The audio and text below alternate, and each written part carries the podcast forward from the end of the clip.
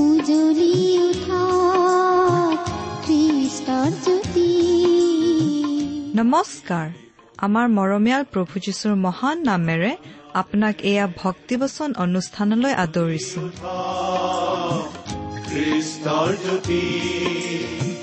আকাশ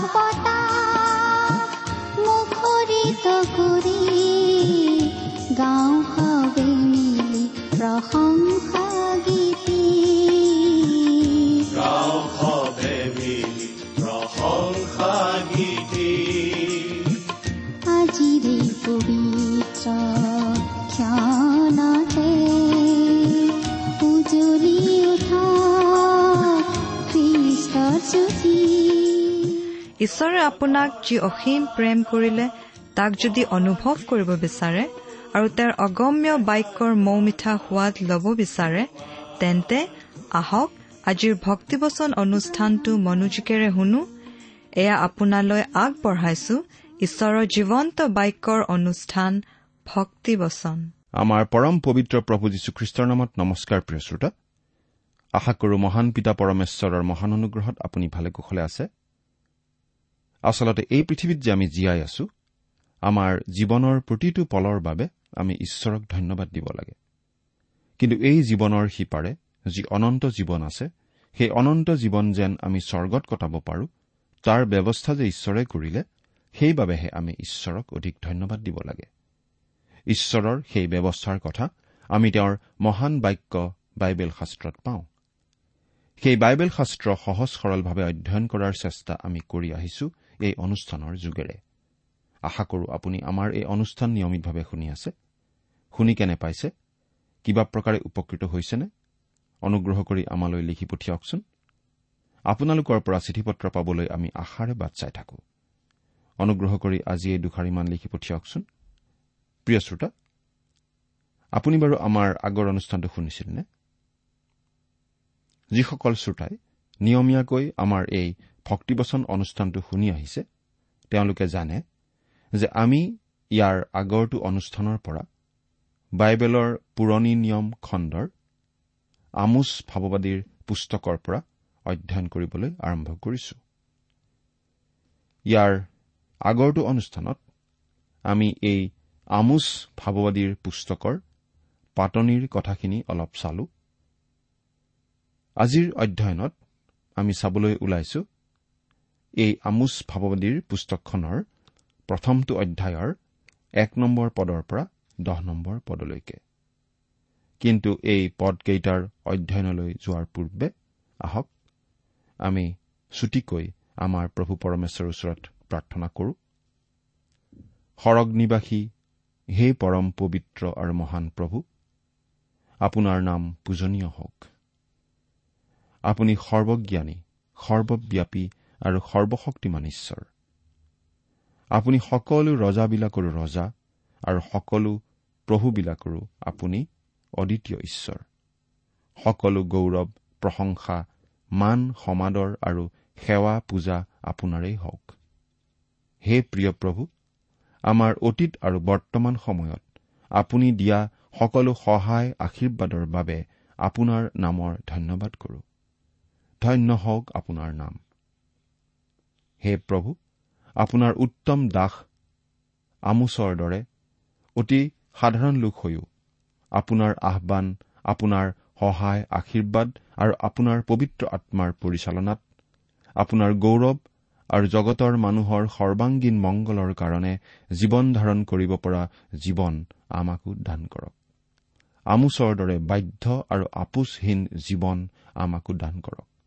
পৰিত্ৰাতা প্ৰভু যীশুৰ নামত এই প্ৰাৰ্থনা আগবঢ়াইছো। আমেন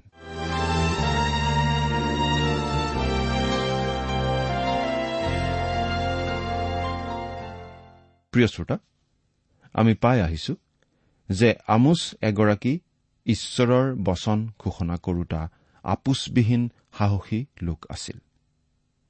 বৈত এলত আহি উপস্থিত হবৰ সময়তেই যে কেৱল আমোচ অখ্যাত আছিল এনে নহয় কিন্তু আজিও খ্ৰীষ্টীয় বিশ্বাসী লোকসকলৰ মাজত বাইবেলৰ আমোচজন বৰ জনাজাত নহয়।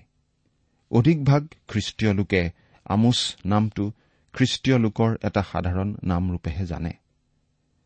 কিন্তু খ্ৰীষ্টীয় লোকসকলে বাইবেলৰ আমোচজনক জনা উচিত।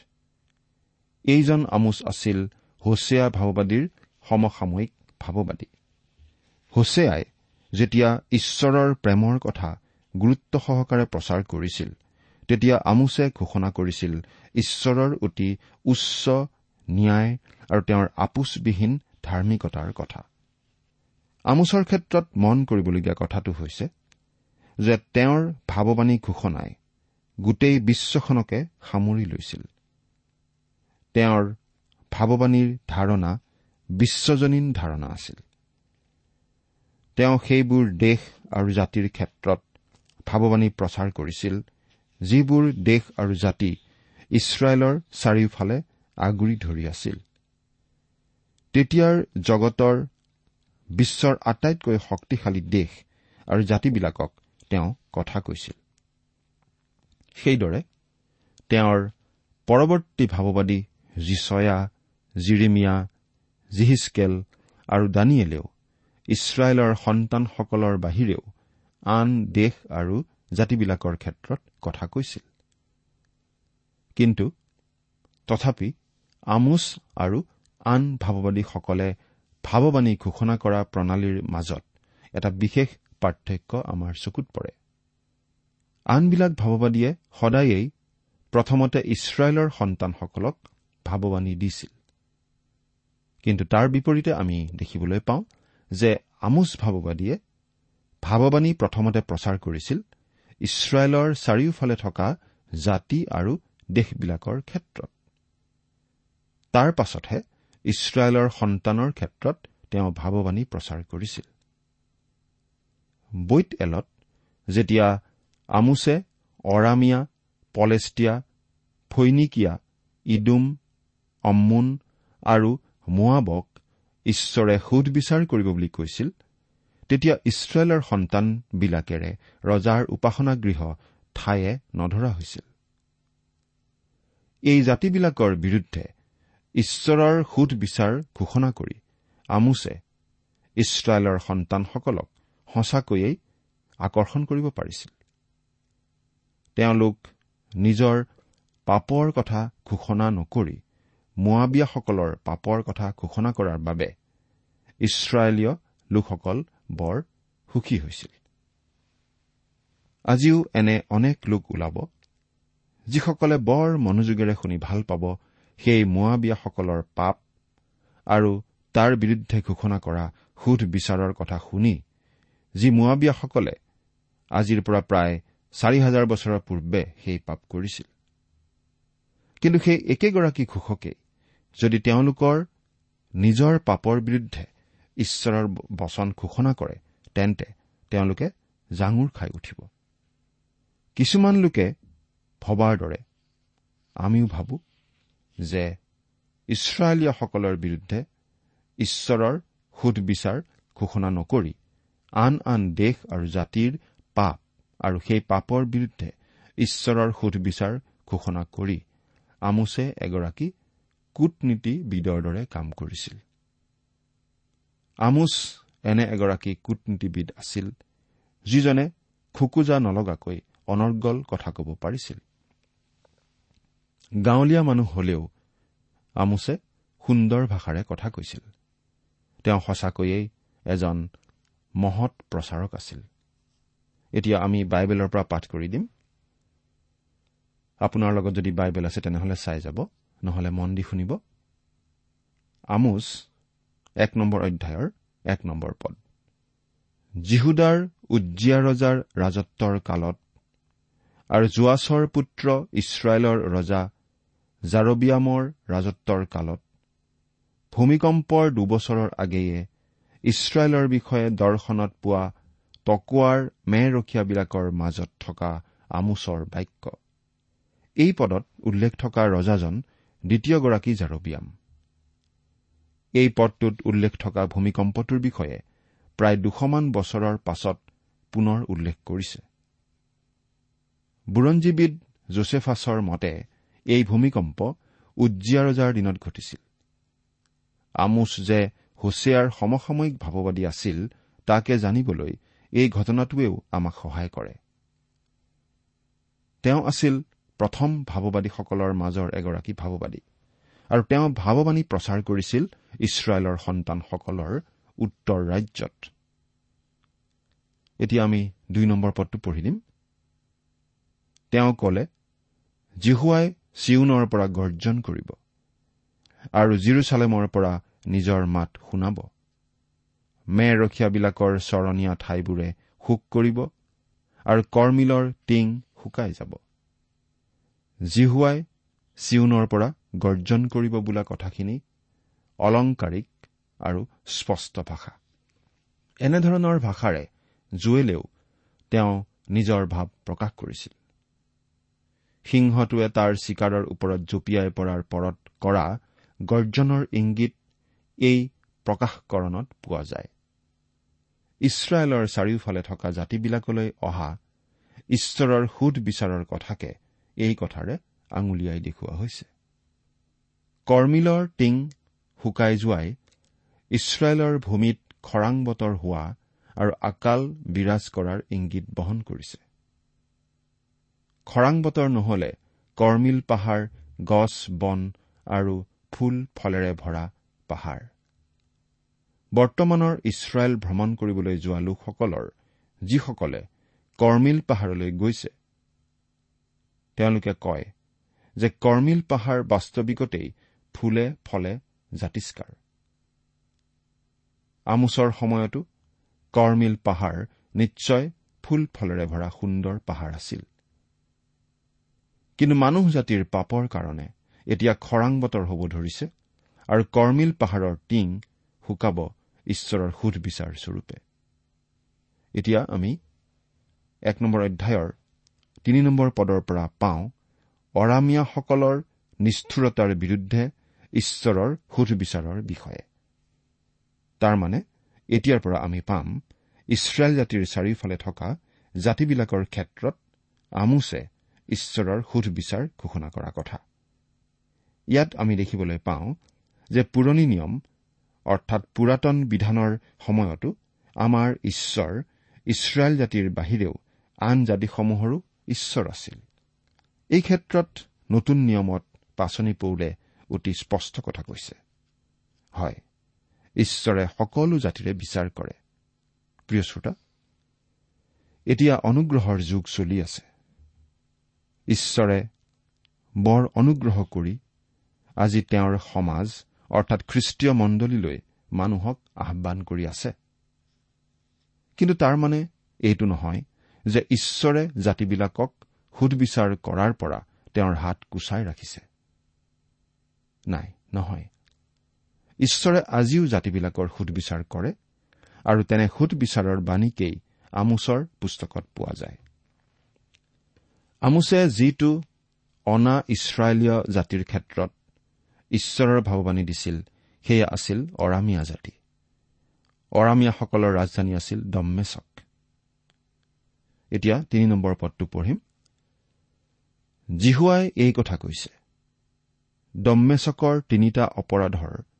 এনেকি চাৰিটা অপৰাধৰ নিমিত্তে মই তাক দণ্ড নিদিয়াকৈ নেৰো। কিয়নো সিহঁতে লোহাৰ মৰণা মৰা যন্ত্ৰেৰে গিলিয়দক মাৰিলে। ইয়াত আমোছে অৰামিয়াসকলৰ পাপ অপৰাধৰ এটা তালিকা তৈয়াৰ কৰি দিয়াৰ চেষ্টা কৰা নাই। তেওঁ কওঁ বুলিলে ক'ব পাৰিলেহেঁতেন যে অৰামিয়াসকলৰ এটা দুটা অপৰাধ নহয় কিন্তু অনেক অপৰাধৰ নিমিত্তে ঈশ্বৰে তেওঁলোকৰ ওপৰত সুধবিচাৰ কৰিব। আন কথাত কবলৈ হলে অৰামিয়াসকলৰ পাপৰ কলহ ডিঙিলৈকে ভৰা আছিল আৰু সেয়ে ঈশ্বৰৰ সুধবিচাৰ তেওঁলোকৰ ওপৰলৈ অহাক বাধা কৰিবলৈ কোনো শক্তি থাকিব নোৱাৰে। অৰামিয়াসকলে গিলিয়দৰ লোকসকলক মৰণা মৰা যন্ত্ৰেৰে মাৰিছিল আৰু এই কাৰণতেই ঈশ্বৰৰ সুধবিচাৰ তেওঁলোকৰ ওপৰলৈ আহিব। মৰণা মৰা যন্ত্ৰবোৰ ধাৰ থকা যন্ত্ৰ আছিল।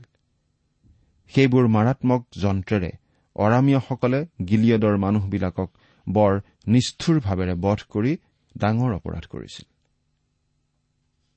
দ্বিতীয় ৰাজা বুলি দহ নম্বৰ অধ্যায়ৰ বত্ৰিশ আৰু তেত্ৰিশ পদত বাইবেলে এই ক্ষেত্ৰত এইদৰে কৈছে যে অৰামীয়াসকল নামি আহি গাদিয়া ৰুবেনিয়া আৰু মঞ্চিয়াবিলাকৰ দেশ গিলিয়দ আৰু বাছানক ধ্বংস কৰিছিল।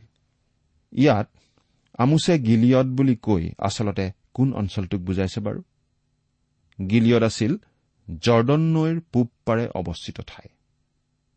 জৰ্দন নৈৰ পূব পাৰৰ এই অঞ্চল উত্তৰৰ ফালে গালিল সাগৰলৈকে বিস্তৃত হৈ আছিল আৰু এই অঞ্চলতেই গাদ ৰুবেন আৰু মনচিৰ আধা ফৈদৰ লোকে বাস কৰিছিল। এই অঞ্চলটোৰ উত্তৰৰ ফালে আছিল অৰাম দেশ আৰু অৰামীয়াসকলেই দক্ষিণলৈ নামি আহি গাদিয়া ৰুবেনিয়া আৰু মনচিৰ আধা ফৈদৰ লোকক বৰ নিষ্ঠুৰভাৱে হত্যা কৰিছিল। কেৱল তেতিয়াৰ দিনতেই বুলি নহয় কিন্তু তেতিয়াৰ পৰা এতিয়ালৈকে কত হাজাৰ বছৰৰ মূৰকতো এতিয়াও অৰামীয়া লোকসকলে ইছৰাইলৰ লোকসকলৰ সৈতে যুঁজবাগৰ কৰিয়েই থাকে। আমোচৰ দিনত বৰ নিষ্ঠুৰভাৱে অৰামীয়াসকলে গিলিয়দ আৰু বাছান অঞ্চলৰ ইছৰাইলীয় লোকসকলক আক্ৰমণ কৰি মৰণা মৰা চোকা অস্ত্ৰেৰে বৰ নিৰ্দয়ৰূপে বধ কৰিছিল। আৰু সেয়েহে ঈশ্বৰে কৈছে যে তেওঁলোকৰ সেই নিষ্ঠুৰতাৰ কাৰণে তেওঁলোকৰ ওপৰত তেওঁ নিশ্চয় সুধবিচাৰ কৰিব। তেওঁলোকক দণ্ড বিহিব। এতিয়া এক নম্বৰ অধ্যায়ৰ চাৰি আৰু পাঁচ নম্বৰ পদ দুটা পঢ়ি দিম।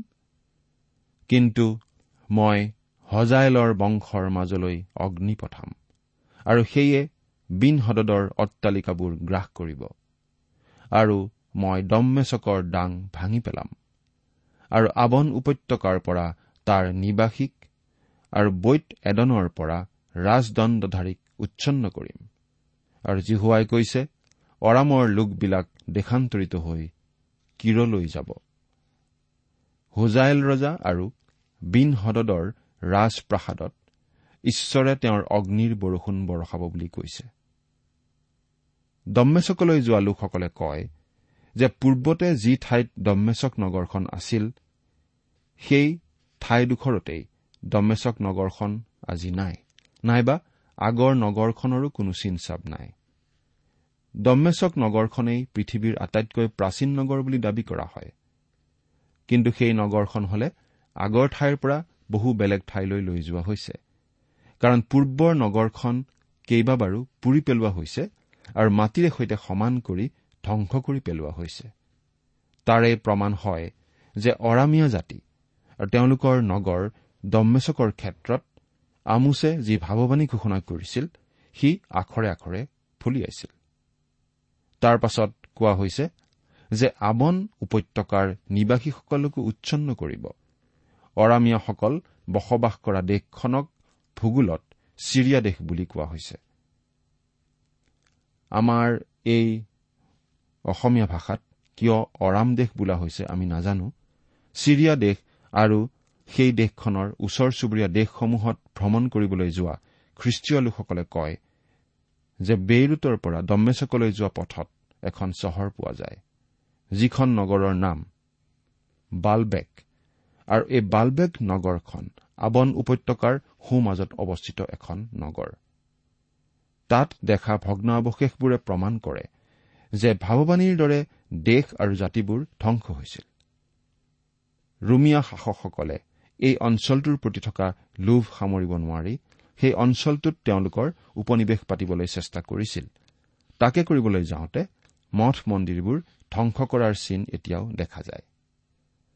বালবেক নগৰো ধ্বংস হৈছিল আৰু পূৰ্বৰ ঘন বসতি তাত আৰু নোহোৱা হৈছিল। তাৰোপৰি পদটোত কোৱা হৈছে যে অৰাম অৰ্থাৎ ছিৰিয়াৰ লোকবিলাকো কিৰলৈ দেশান্তৰিত হৈ যাব। আন কথাত কবলৈ হলে তেওঁলোক ওচৰীয়াসকলৰ দেশলৈ দেশান্তৰিত হৈ যাবলগীয়া হ'ব। কাৰণ কিৰ আছিল ওচৰ দেশৰ এটা প্ৰদেশ? প্ৰিয় শ্ৰোতা এইবিলাক স্থানৰ অৱস্থান জানিবলৈ হলে আমাৰ ভূগোলৰ জ্ঞান থকা ভাল। তেতিয়া এই লিখনিবিলাক বুজাত আমাৰ বাবে সহজ হয়। কাৰণ আমি আটাইয়ে জনা উচিত যে যেতিয়া আমি বাইবেলখন পঢ়িছো তেতিয়া আমি কোনো কাল্পনিক স্থান বা দেশৰ কথা পঢ়া নাই। বাইবেলখন পঢ়োতে আমি মহাকাশৰ কোনোবা অজান আৰু অদ্ভুত স্থানৰ কথাও পঢ়া নাই। বাইবেল পঢ়া মানে বাস্তৱতাক পঢ়াকে বুজায়। সেয়েহে বাইবেলখনে যেতিয়া সৰগ ৰাজ্যৰ বিষয়ে কৈছে ই কোনো কাল্পনিক কাহিনীও নহয়। এটা বাস্তৱ স্থানৰ কথা আমি পঢ়ো। তাৰ পাছত আমি ছয় নম্বৰ পদৰ পৰা পাওঁ পলেষ্টিয়া লোকসকলে দাসত্ব প্ৰথাৰ প্ৰচলন কৰাৰ বাবে তেওঁলোকৰ বিৰুদ্ধে ঈশ্বৰৰ সুধবিচাৰ আমোচে ঘোষণা কৰাৰ কথা। এক নম্বৰ অধ্যায়ৰ ছয় নম্বৰ পদৰ পৰা আঠ নম্বৰ পদ পঢ়ি দিম। ইয়াত আমি এনেদৰে পাওঁ জিহুৱাই এই কথা কৈছে খচাৰ তিনিটা অপৰাধৰ এনেকি চাৰিটা অপৰাধৰ নিমিত্তে মই তাক দণ্ড নিদিয়াকৈ নেৰো? কিয়নো তেওঁলোকে ইডুমৰ হাতত সোধাই দিবৰ নিমিত্তে গোটেই প্ৰজাক দেশান্তৰ কৰি নিলে। কিন্তু মই ঘছাৰ দেৱালৰ ভিতৰলৈ অগ্নি পঠাম আৰু সেয়ে তাৰ অট্টালিকাবোৰ গ্ৰাস কৰিব। মই অছদুদৰ পৰা তাৰ নিবাসীক আৰু অস্কিলনৰ পৰা ৰাজদণ্ডধাৰীক উচ্ছন্ন কৰিম। মই ইক্ৰুণৰ অহিতে মোৰ হাত চলাম আৰু প্ৰভুজী হোৱাই কৈছে পলেষ্টিয়াবিলাকৰ অৱশিষ্ট ভাগ বিনষ্ট হ'ব। ঘছাৰ অপৰাধৰ ক্ষেত্ৰতো আমি আগৰ দৰেই ক'ব লাগিব যে আমোছে ইয়াত ঘছাৰ পাপ অপৰাধৰ তালিকা প্ৰস্তুত কৰিব খোজা নাই। বহুখিনি অপৰাধ উল্লেখ কৰাৰ ই এটা ধৰণ মাথোন। খচা পলেষ্টিয়াৰ এখন নগৰ। কৃতদাস প্ৰথা প্ৰচলন আৰম্ভণ কৰাৰ বাবেই ঈশ্বৰে তেওঁৰ সুদবিচাৰ তেওঁৰ দাস আমোচৰ জৰিয়তে ঘোষণা কৰিছে। পলেষ্টিয়া লোকসকলে ইছৰাইলৰ কিছুমান লোকক লৈ ইডুম আৰু ফৈনিকীয়া লোকৰ হাতত বিক্ৰী কৰি দাসত্ব প্ৰথাৰ প্ৰচলনৰ আৰম্ভণ কৰিছিল। ফৈনিকীয়া লোকসকল বণিক লোক আছিল আৰু সেয়ে তেওঁলোকে ইছৰাইলৰ সন্তানসকলক পুনৰ যুদ্ধৰ বন্দীৰূপে তেওঁলোকক আনৰ হাতত বিক্ৰী কৰিছিল। সেয়ে ঈশ্বৰে তেওঁলোকৰ ওপৰত সুধবিচাৰ কৰিবলৈ ইচ্ছা কৰে। অছদুদ আৰু আস্কিলন ইছৰাইলৰ অধীনত আছে যদিও খচা হলে আৰৱ ৰাজ্যৰ ভিতৰত পৰিছে আৰু ঘছাক লৈ ইছৰাইলৰ সমস্যা আজিও শেষ হোৱা নাই। ঘছা অজদুদ আস্কিলন আৰু হাইফা আদি আটাইবোৰ ঠায়েই বাস্তৱ ঠাই। দাগন দেৱতাৰ মন্দিৰৰ ভগ্নাৱশেষ আজিও আস্কিলনত দেখা পোৱা যায়। এই আস্কিলন পাপত পতিত হোৱা চিমছনৰো স্থান আছিল। তাৰ বিষয়ে বিচাৰকৰ্তা ষোল্ল নম্বৰ অধ্যায়ত পোৱা যায়। ঈশ্বৰৰ দাস আমোচে ঘোষণা কৰাৰ দৰেই এই আটাইবিলাক ঠাইলৈ ঈশ্বৰৰ সুধবিচাৰ সিদ্ধ হৈছিল। দ্বিতীয় ৰজা বুলি ওঠৰ নম্বৰ অধ্যায়টো পঢ়িলে আমি পাওঁ কেনেকৈ হিচকিয়া ৰজাই ইয়াত উল্লেখ থকা ঠাইবোৰ ধ্বংস কৰিছিল। আমোচে দিয়া ভগৱানী এইদৰে আখৰে আখৰে সিদ্ধ হৈছিল। এনেদৰে সিদ্ধ হোৱা ভগৱানীৰ ভিত্তিতেই আমি ক'ব পাৰো যে যিবিলাক ভাৱবাণী এতিয়াও সিদ্ধ হোৱা নাই সেইবোৰো নিশ্চয় সিদ্ধ হবই। এতিয়া আমি ন আৰু দহ নম্বৰ পদত দেখা পাম ফৈনিকীয়াবিলাকে সন্ধি ভংগ কৰা অপৰাধৰ কাৰণে ঈশ্বৰৰ সুধবিচাৰৰ সন্মুখীন হোৱাৰ কথা। তুৰৰ ৰজা হিৰমৰ ডায়ুদ ৰজাৰ সৈতে ব্যক্তিগতভাৱে গভীৰ বন্ধুত্বৰ বুজাবুজি আছিল। ইছৰাইলৰ উত্তৰ ৰাজ্য বা দক্ষিণ ৰাজ্যৰ কোনো ৰজাই কেতিয়াও ফৈনিকীয়াৰ ৰজাৰ সৈতে ৰণ কৰা নাছিল। কিন্তু ফৈনিকীয়ে এতিয়া সেই বুজাপৰা ভংগ কৰিছিল। ন নম্বৰ পদত আমি এনেদৰে পাওঁ জিহুৱাই এই কথা কৈছে তুৰৰ তিনিটা অপৰাধৰ এনেকি চাৰিটা অপৰাধৰ নিমিত্তে মই তাক দণ্ড নিদিয়াকৈ নেৰো কিয়নো সিহঁতে ইডুমৰ হাতত গোটেই প্ৰজাক সোধাই দিলে আৰু সিহঁতে ভাতৃ নিয়মটি সোঁৱৰণ নকৰিলে। আন কথাত হিৰম আৰু ডায়ুদ ৰজাৰ মাজত ভাতৃত্বৰ যি বুজাপৰা আছিল তুৰৰ লোকসকলে তাক ভংগ কৰি ইছৰাইলৰ সন্তানসকলক আনৰ হাতত গোলাম অথবা যুদ্ধ বন্দীৰূপে বিক্ৰীহে কৰিছিল। সেয়ে ঈশ্বৰে তেওঁলোকৰ ওপৰত সুধবিচাৰ ঘোষণা কৰোৱাইছিল তেওঁৰ দাস আমোচৰ জৰিয়তে। কিন্তু মই তুৰৰ দেৱালৰ ভিতৰলৈ অগ্নি পঠাম আৰু সেয়ে তাৰ অট্টালিকাবোৰ গ্ৰাস কৰিব। ইতিহাসে কয় যে প্ৰথমতে ওচৰীয়াসকলে তুৰ আক্ৰমণ কৰিছিল যদিও বিশেষ একো ক্ষতি সাধন কৰিব নোৱাৰিলে। কলদিয়াসকলে তুৰ আক্ৰমণ কৰি মূল ভূখণ্ডত থকা তুৰ নগৰ ধ্বংস কৰিলত। তুৰবাসীসকলে সাগৰৰ বুকুৰ প্ৰায় দুই কিলোমিটাৰ আঁতৰৰ দ্বীপ এটালৈ সোমাই গৈ তাতেই নগৰ পাতে। কিন্তু জিহিচকেল ভাৱবাদীৰ ভাৱবাণীৰ দৰে সাগৰৰ বুকুত থকা দ্বীপটোৰ নগৰখনকো মহামতী আলেকজেণ্ডাৰে প্ৰায় দুশ পঞ্চাছ বছৰৰ পাছত আক্ৰমণ কৰি তুৰ সম্পূৰ্ণৰূপে ধ্বংস কৰিছিল। এইদৰে আমোচৰ ভাৱবাণী তুৰৰ বিৰুদ্ধে আখৰে আখৰে সিদ্ধ হৈছিল। ঈশ্বৰৰ ভাৱবাণী কেতিয়াও বিফলে নাযায়। সেই ঈশ্বৰৰ কথা আপুনি মনত ৰাখি তেওঁ আপোনালৈ আগবঢ়োৱা পৰিত্ৰাণ প্ৰভু যীশুক গ্ৰহণ কৰি আপুনি বাৰু গ্ৰহণ কৰিছেনে? ঈশ্বৰে আপোনাক আশীৰ্বাদ কৰক।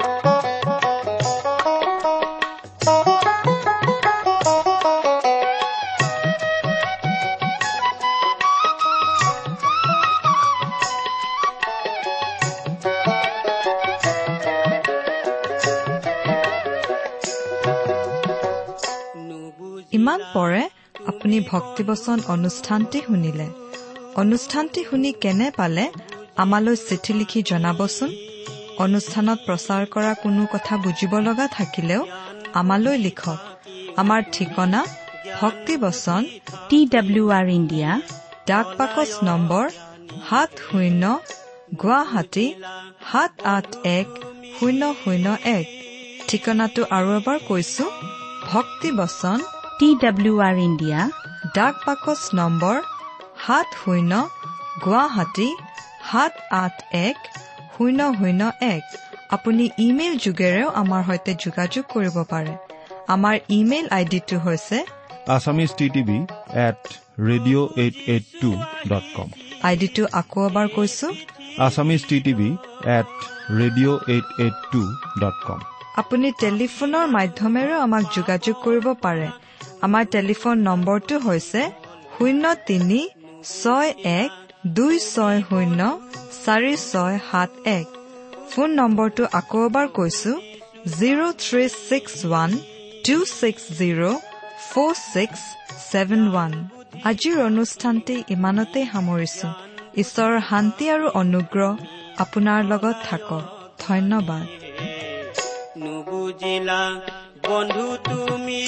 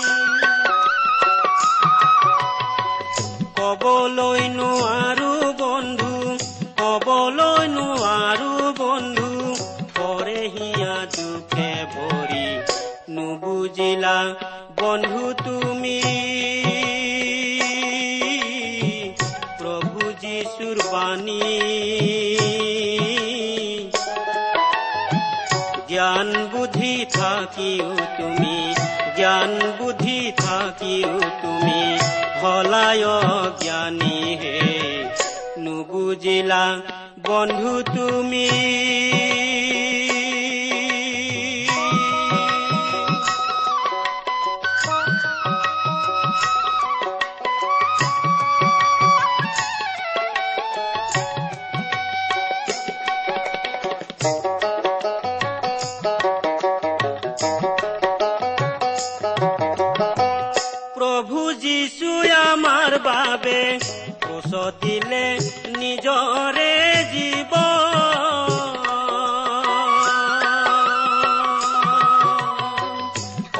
যে যাতনা ভুঞ্জিলে।